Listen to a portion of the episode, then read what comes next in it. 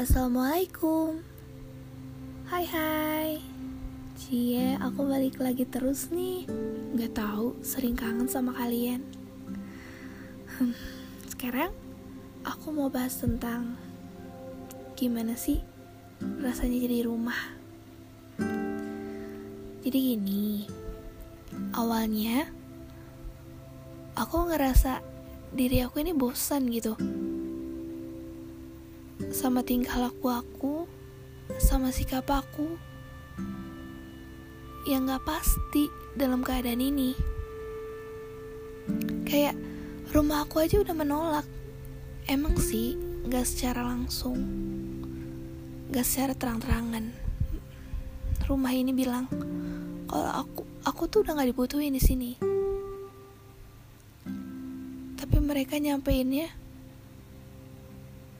lewat sikap. Kayak udah gak peduli. Kayak udah bodo amat. Aku yang harusnya nyaman tinggal di rumah. Tapi justru merasa terancam. Aku bukan terancam untuk diri aku tapi aku takut terancam sama suasananya. Yang tadinya hangat jadi dingin. Yang tadinya ceria jadi hambar. Aku gak ngerti lagi. Rumah aku lagi banyak banget kerusakannya. Lagi butuh banget dibetulin. Tapi manusianya tidak ada yang peka. Apa harus nunggu sampai rusak? Aku sendiri gak ngerti kenapa aku nggak bisa ngelakuin apa-apa? Padahal aku manusia.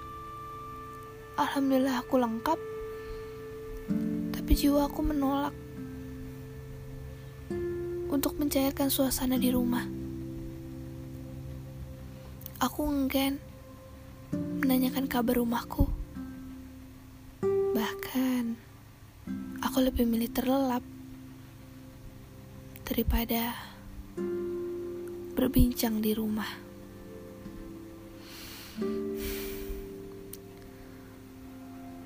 Enak gak sih kalau misalnya kalian udah capek di luar, pulang ke rumah, tapi di rumah malah justru dibikin capek lagi.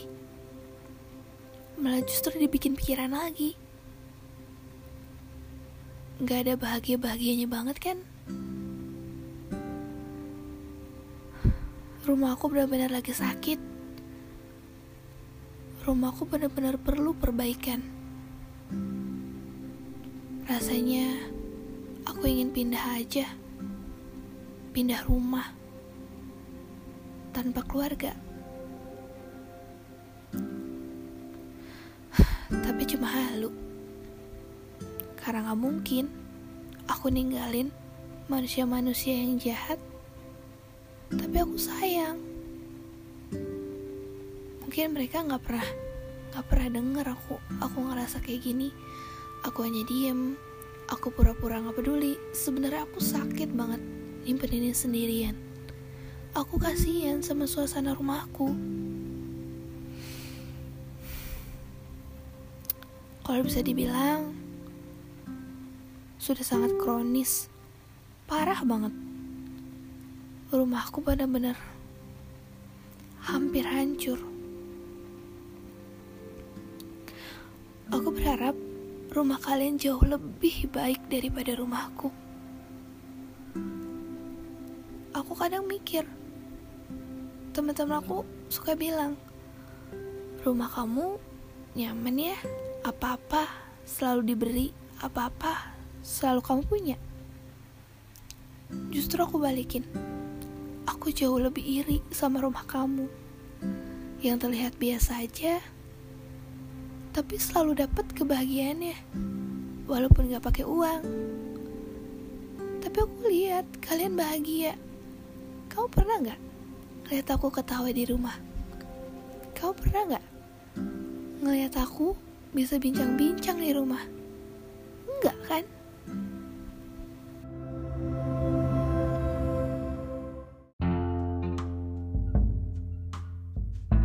Assalamualaikum. Hai kamu, hai kalian.